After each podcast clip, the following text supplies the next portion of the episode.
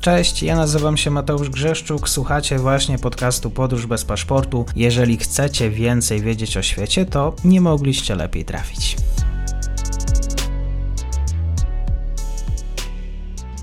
Dzień dobry wszystkim słuchaczom. Dzisiaj w rytm wydarzeń międzynarodowych sabotaż przy Nord Stream. Będziemy rozmawiać o tym, co właściwie wiemy o tym wydarzeniu. Za mną jest Mariusz Marszałkowski z redakcji Business Alert. Dzień dobry, bardzo miło. Dzień dobry panie redaktorze, dzień dobry państwu. W ciągu kilkunastu godzin między 26 i 27 września doszło do rozszczelnienia gazociągów Nord Stream i Nord Stream 2. No i wyciek metanu oczywiście z tych instalacji.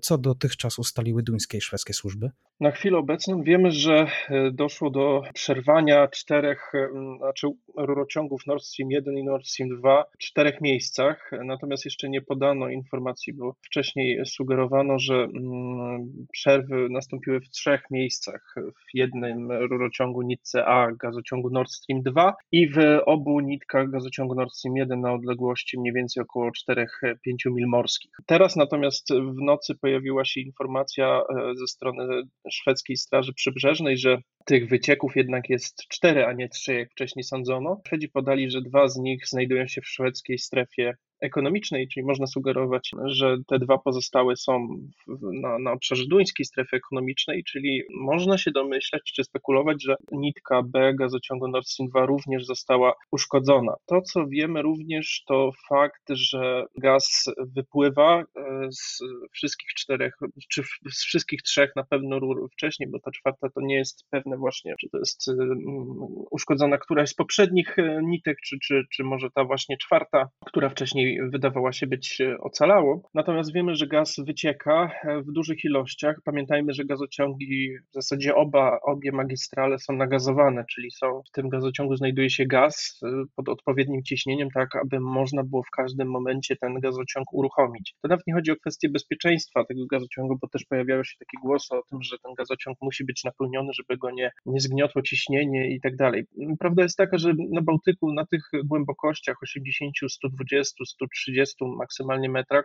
Ciśnienie nie jest aż tak duże, żeby doprowadziło do zgniecenia takiego rurociągu. Pamiętajmy również, że ten rurociąg również e, przez długi czas stał pusty, e, zaślepiony po prostu. I na pewno to nie jest tak, że ten, ten, ten rurociąg musi, e, musi być wypełniony gazem. No, w normalnych warunkach, kiedy magistrala jest niewykorzystywana, jest ona wypełniona azotem bądź innym gazem, który, który nie jest palny, który nie jest wybuchowy. No tutaj doszło do rozszczelnienia i wypływania tego gazu. Widzieliśmy obrazki, nagrania opublikowane przez duńskie i szwedzkie służby Straży Przybrzeżnej, które pokazują właśnie e, tą skalę wycieku, a jest ona bardzo duża. E, zgodnie z danymi zdjęć e, lotniczych, po obliczeniach wychodzi, że te średnica tych wycieków to jest ponad 800 metrów to jest na pewno sporo, e, jeżeli popatrzymy na to, jaka, jaka jest e, skala tego wycieku. No i na to, na co czekamy i co jest bardzo niepokojące, oczywiście to kwestia tego, że jest to skażenie, jest to, jest to w pewnym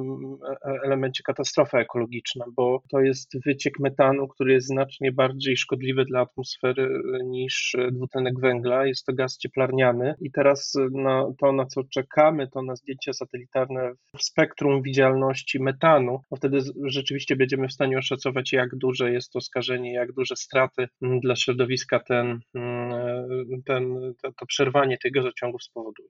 Rozumiem, że europejski rynek e, już zareagował, ceny gazu wystrzeliły. Ceny gazu rzeczywiście są wyższe niż przed e, przerwaniem tych gazociągów, natomiast nie jest to, e, nie jest to poziom, który byłby, że tak powiem, jakiś bardzo wysoki, dlatego że po prostu rynek w pewnym sensie już się przygotowuje. To znaczy, rynek jest już w jakimś stopniu przyzwyczajony do tych informacji, które ciągle płyną. No teraz e, obecnie gaz, cena gazu wynosi około 200 euro za megawattogodzinę, to jest wzrost około 12 12-13% względem e, wcześniejszych tych notowań, natomiast to nie jest aż taki wzrost duży, jakby się wydawało. Po prostu Nord Stream pierwszy nie pracuje od końca sierpnia e, oficjalnie ze względu na przerwę techniczną, na przerwę remontową, serwisową. Natomiast Nord Stream 2 nie pracuje od początku, kiedy został przygotowany do odbioru, czyli w zasadzie od jesieni ubiegłego roku, kiedy gazociąg ten został nagazowany i w zasadzie czekał tylko i wyłącznie na certyfikację ze strony niemieckich urzędów. Do tej certyfikacji nie doszło, no i tak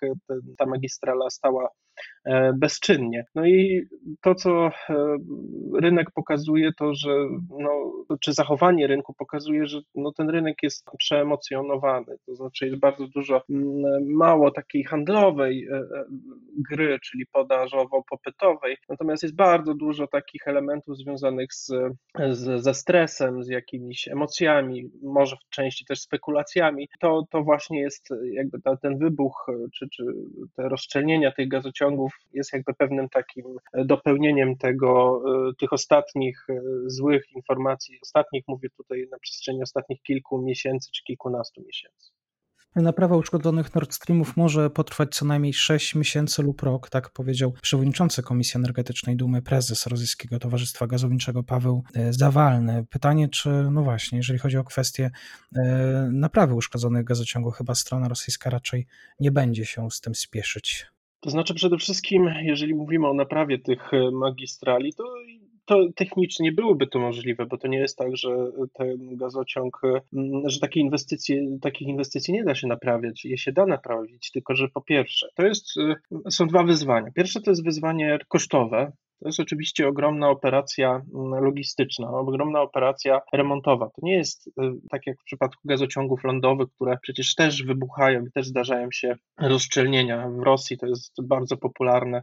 Ci, co śledzą mm, różne doniesienia z Rosji, to mniej więcej kilka razy w ciągu roku y, y, słyszą o rozszczelnieniach gazociągów i pięknych łunach pojawiających się nad Rosją, szczególnie w okresie jesienno-zimowym. I taki, do takich rzeczy dochodzi, tylko że naprawa gazociągu lądowego jest bardzo stosunkowo prosta. Po prostu trzeba wyciąć mm, fragment magistrali, która była uszkodzona, zastąpić mm, nową, nowymi kilkoma czy kilkunastoma, w zależności od skali wycieku, e, odcinkami gazociągów, pospawać to wszystko i z powrotem, z powrotem wkopać w ziemię. No tutaj sytuacja wygląda całkiem inaczej. To są, e, mm, to jest magistrala, która, która po pierwsze musi mieć całkiem inne e, rury, inne, inne przewody, do przesyłania tego gazu. Jeżeli zobaczymy sobie, jak wyglądają rury od Nord Streamu, no to są prawie półtora metrowe, półtora metrowej średnicy e, rury otoczone prawie 20-tonową e, warstwą betonu, cementu specjalnego, który ma na celu stabilizowanie rury leżącej na dnie przy mm, jej pracy przy wysokich ciśnieniach. E, dodatkowo oczywiście te rury, te, te rury są robione na specjalne zamówienie w specjalnych zakładach, e, które były stworzone specjalnie pod kątem budowy Nord Streamu i pierwszego i drugiego. To, to jest pierwsza kwestia. Druga kwestia to jest dostępność statków. Na takich, takie procesy, takie działania muszą wykonywać specjalne jednostki, specjalne załogi y, z doświadczeniem, a Rosjanie takiego doświadczenia nie posiadają. Nie posiadają też takich jednostek. Oczywiście byli w stanie dokończyć budowę Nord Streamu II i przeprowadzić tę część tych prac podwodnych również. Natomiast y, tutaj y, co innego jest budowa na nowo gazociągu, gdzie można jakoś improwizować, natomiast co innego jest naprawianie istniejącej infrastruktury, gdzie trzeba być bardzo precyzyjnym. Tutaj każde odchylenie od normy, każdy błąd ze strony ekipy takiej remontowo-serwisowej oznaczałby po prostu kolejne ryzyko katastrofy, kolejne ryzyko przerwania dostaw gazu. I tu są, to są dwie kwestie. No, a trzecia kwestia to jest oczywiście możliwości współpracy, czy, czy nawet pozyskania sprzętu do przeprowadzenia takiej, takiego, takiego procesu naprawy. E, no, co innego jeszcze w zeszłym roku pracować na, ze strony rosyjskiej, gdzie sankcje zachodnie owszem były, ale były one w pewien sposób albo obchodzone, albo ograniczone w, w znaczeniu. Dzisiaj po inwazji Rosji na Ukrainę w zasadzie wszystkie, wszystkie firmy, wszystkie państwa, które gdzieś współpracowały technologicznie z Rosją, po prostu to przerwały. Rosjanie nie mają tego know-how, nie mają tego, y, tej wiedzy, tego doświadczenia, tych technologii, które mogłyby być wykorzystane przy takim remoncie. No i to jest jakby jedna kwestia, a druga, jeszcze kolejna kwestia, to jest to, jak długo ten gazociąg będzie znajdował się w takim stanie, jakim się obecnie znajduje bo jeżeli y, w normalnych warunkach, to prawdopodobnie od razu po takim wycieku y, zmierzałaby na miejsce wybuchu ekipa remontowa, która by miała w jakiś sposób zabezpieczyć te, te leżące na dnie rury, przerwane rury, pamiętajmy, i aby ta skala tego zniszczenia spowodowanego między innymi oddziaływaniem słonej wody morskiej była jak najkrótsza i jak najmniejsza. Ten gazociąg natomiast teraz tam leży. Nie wiadomo jaka jest przerwa w rurze, aczkolwiek to, co wcześniej powiedziałem, te, te, te ślady na, na powierzchni wody wskazują, że te, te przerwy są bardzo duże w, w tym rurociągu. Ta woda się wlewa do tego gazociągu, już tam go sobie przelewa, już y, rdza czy, czy, czy słona woda już oddziaływuje na ten metal, który znajduje się na wewnętrznej powłoce rury. No i mm, no niestety, znaczy niestety albo stety dla Rosjan, im dłużej ten, ten, ten stan będzie trwał, tym większa degradacja tej infrastruktury będzie postępować. I myślę, że 6 miesięcy, to co wspomniałeś, cytując y, pana przewodniczącego, no to jest taki, to jest taki okres y, możliwy, ale przy zastosowaniu czy przy pracy zachodnich firm, Olsisu czy, czy Saipemu i to naprawdę w takich warunkach, y, że tak powiem, książkowych, podręcznikowych. Myślę, że w warunkach rosyjskich to taka naprawa mogłaby trwać nawet parę lat. Pozostaje zatem najważniejsze pytanie. Być może to też nie jest pytanie, na które ty znasz odpowiedź. Nikt nie zna odpowiedzi. Kto? Kto? No, to jest bardzo dobre pytanie. Myślę, że hipotez jest kilka. Myślę, że mm, taką jedną z najbardziej prawdopodobnych jest działanie rosyjskie, aczkolwiek przyznam szczerze, ja mam problem z, tym, z, tym, z tą hipotezą rosyjską w tym sensie, że nie widzę sensu niszczenia infrastruktury kosztującej miliardy e, euro, za które Gazprom będzie jeszcze przez kilkadziesiąt lat spłacał kredyty, które zaciągną na budowę zarówno Nord Stream I, jak i Nord Streamu II, e, żeby ten gazociąg, żeby te gazociągi niszczyć. E, zwłaszcza, że mm, gdzieś wcześniej w Rosji panowało takie pragmatyczne przekonanie, że nawet wojna z Ukrainą w pewnym momencie się skończy, w pewnym momencie skończą się napięcia, a w Europie pamiętajmy jest duże środowisko ludzi sprzyjających Rosji, duże środowisko ludzi wzywających do ścisłej współpracy z Rosją pomimo tego, co się dzieje na Ukrainie. I e, to trochę też przeczy pewnej tezie, e, jakoby, która jest była, czy jest lansowana dotychczas, że Putin celowo ogranicza podaż gazu do Europy, bo chce Europę zmrozić w zimę, żeby Europa była zmiękczona na wiosnę, czy jeszcze w zimę, i przestała wspierać Ukrainę. Jeżeli rzeczywiście taki jest cel, to nie widzę powodu, dla którego Rosja miałaby niszczyć swoje, swoją infrastrukturę, która służy jej przecież do, no nazwijmy tego, oddziaływania na Europę, jako ten lewar na Europę. No bo teraz nawet przekonywanie mm, opinii mm, publicznej w Niemczech, no nie wiem, jak teraz by miało się przekonać, żeby współpracować z Rosją, skoro te ostatnie połączenia gazowe z Rosją zostały zniszczone. Co będą wysyłać gaz przez Polskę, no to, to jest, to jest jakby jakby wbrew logice tego, co dotychczas gdzieś tam widzieliśmy. No chyba, że doszło do całkowitego przeorientowania rosyjskiego myślenia na zasadzie, że mamy całkowitą eskalację, e, że wykorzystujemy, że przerywamy te połączenia, które dotychczas były, bo prawdopodobnie nie dojdzie już do tego business as usual, chociaż Rosjanie by chcieli i pewnie część e, elity na zachodzie Europy też by chciała. E, no i doszło, czy, czy podjęto decyzję taką karkołomną o tym, aby przeprowadzić operację false flag, czyli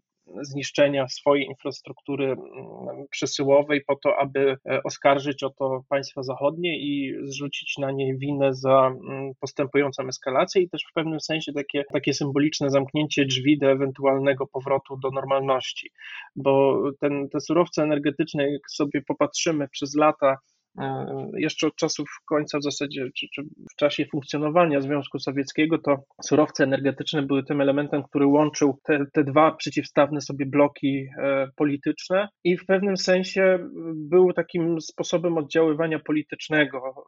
RFN na Związek Sowiecki, a Związek Sowiecki na RFN, czy na, na szerzej na, e, na, na, państwa europejskie, natowskie i w zasadzie nikomu nie zależało na eskalacji, bo każdy to, co chciał, uzyskiwał w sposób pokojowy. Dzisiaj mamy okres e, wojny, wojny gorącej pomiędzy Rosją a Ukrainą, ale też wojny energetycznej pomiędzy Rosją a resztą Europy. No i może właśnie ten, ten wybuch, ten sabotaż Nord Streamu oznacza kres pewnej polityki, pewnego, pewnej epoki, nie lubię tego określenia, ale, ale pewnej epoki, która mm, wcześniej przejawiała się tym, że pomimo różnych problemów politycznych i geopolitycznych, to energetyka była tym, co łączyło i tym, co sprawiało, że nawet zwaśnione strony mm, dawało jakąś nadzieję na dalsze prowadzenie biznesu. Dzisiaj widocznie tego, tej nadziei nie ma. Jeżeli Rosjanie rzeczywiście to mm, zrobili, dzisiaj tej nadziei nie ma. Natomiast jest oczekiwanie eskalacji i prawdopodobnie, mm, jeżeli dalej pójdzie w tą stronę, jeżeli rzeczywiście trop rosyjski się potwierdzi, no to będzie oznaczało to eskalację również w kontekście infrastruktury państw zachodnich. To znaczy, nikt teraz nie może być bezpieczny, żadna infrastruktura energetyczna nie może czuć się bezpiecznie. Trzeba wzmocnić obronę, ochronę takiej infrastruktury, bo wcześniej energetyka nawet przy trudnych momentach nie była obiektem ataków. Dzisiaj, jeżeli rzeczywiście Nord Stream 2 i Nord Stream 1 został zniszczony przez Rosjan, to już ten element związany z, no, w zasadzie upadł. Znaczy teraz musimy tylko i wyłącznie wyczekiwać czy wypatrywać zagrożenia na przykład dla infrastruktury e, gazowej e, czy naftowo-gazowej na Morzu Północnym, musimy obawiać się o Baltic Pipe i musimy obawiać się o inną infrastrukturę energetyczną znajdującą się na, e, w Europie Środkowej, ale nie tylko, bo też w zachodniej. Bardzo dziękuję za dzisiejszy komentarz, za dzisiejsze spotkanie. Mariusz Marszałkowski z Biznes Alert o Nord Stream 2, Nord Stream 1. Bardzo dziękuję. Dziękuję serdecznie za zaproszenie. Wszystkiego dobrego. I to już koniec na dzisiaj. Zapraszam na profil podcastu Podróż bez paszportu na Facebooku, Instagramie i Twitterze. Zachęcam też do wsparcia mojej pracy na serwisie Patronite oraz Buy Coffee. Do usłyszenia.